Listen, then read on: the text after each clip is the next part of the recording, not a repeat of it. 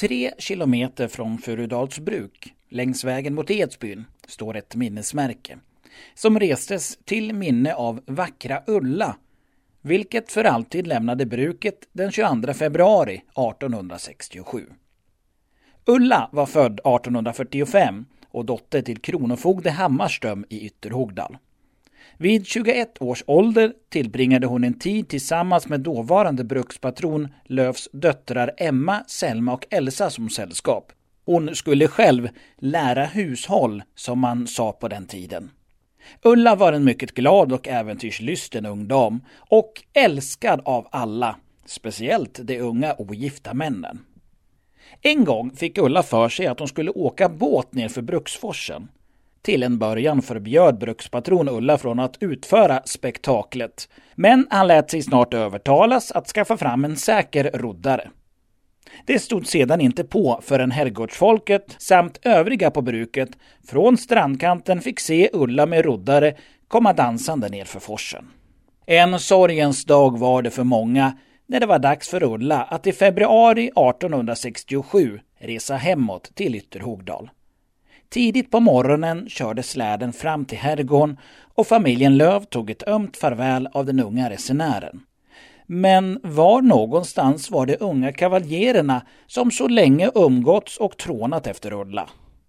Endast en gammal kamrer fanns på plats för att överlämna en blombukett till fröken, var han nu hade fått den ifrån. Ulla var glad för blommorna, men kände sig en aning besviken över att övriga kavaljerer ej syntes till. Men så efter tre kilometers släptur fick hon syn på ett ljussken mellan tallarna. Där, vid vägen, brann en stockvedsbrasa och bredvid elden stod fem av pojkarna. De serverade nu en varm bål och utbringade en skål för Ulla, samt deklamerade ett antal dikter de själva skrivit. De fem unga männen lät sedan gjuta ett minnesmärke som placerades vid platsen för deras sista möte med Ulla och där står det än idag. Det var däremot nära att det under andra världskriget skulle försvinna, då en närig skrothandlare plockade ner det. Bruket spårade emellertid upp det och placerade märket på sitt fundament igen. När Ulla gifte sig tog hon namnet Fredholm. Ulla avled 1939.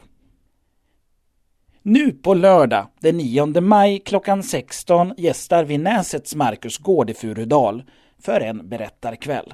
På programmet står historier om farliga väsen, kallblodiga mördare, kraftkarar och andra märkliga händelser som ska ha utspelat sig i norra Dalarna med omnejd.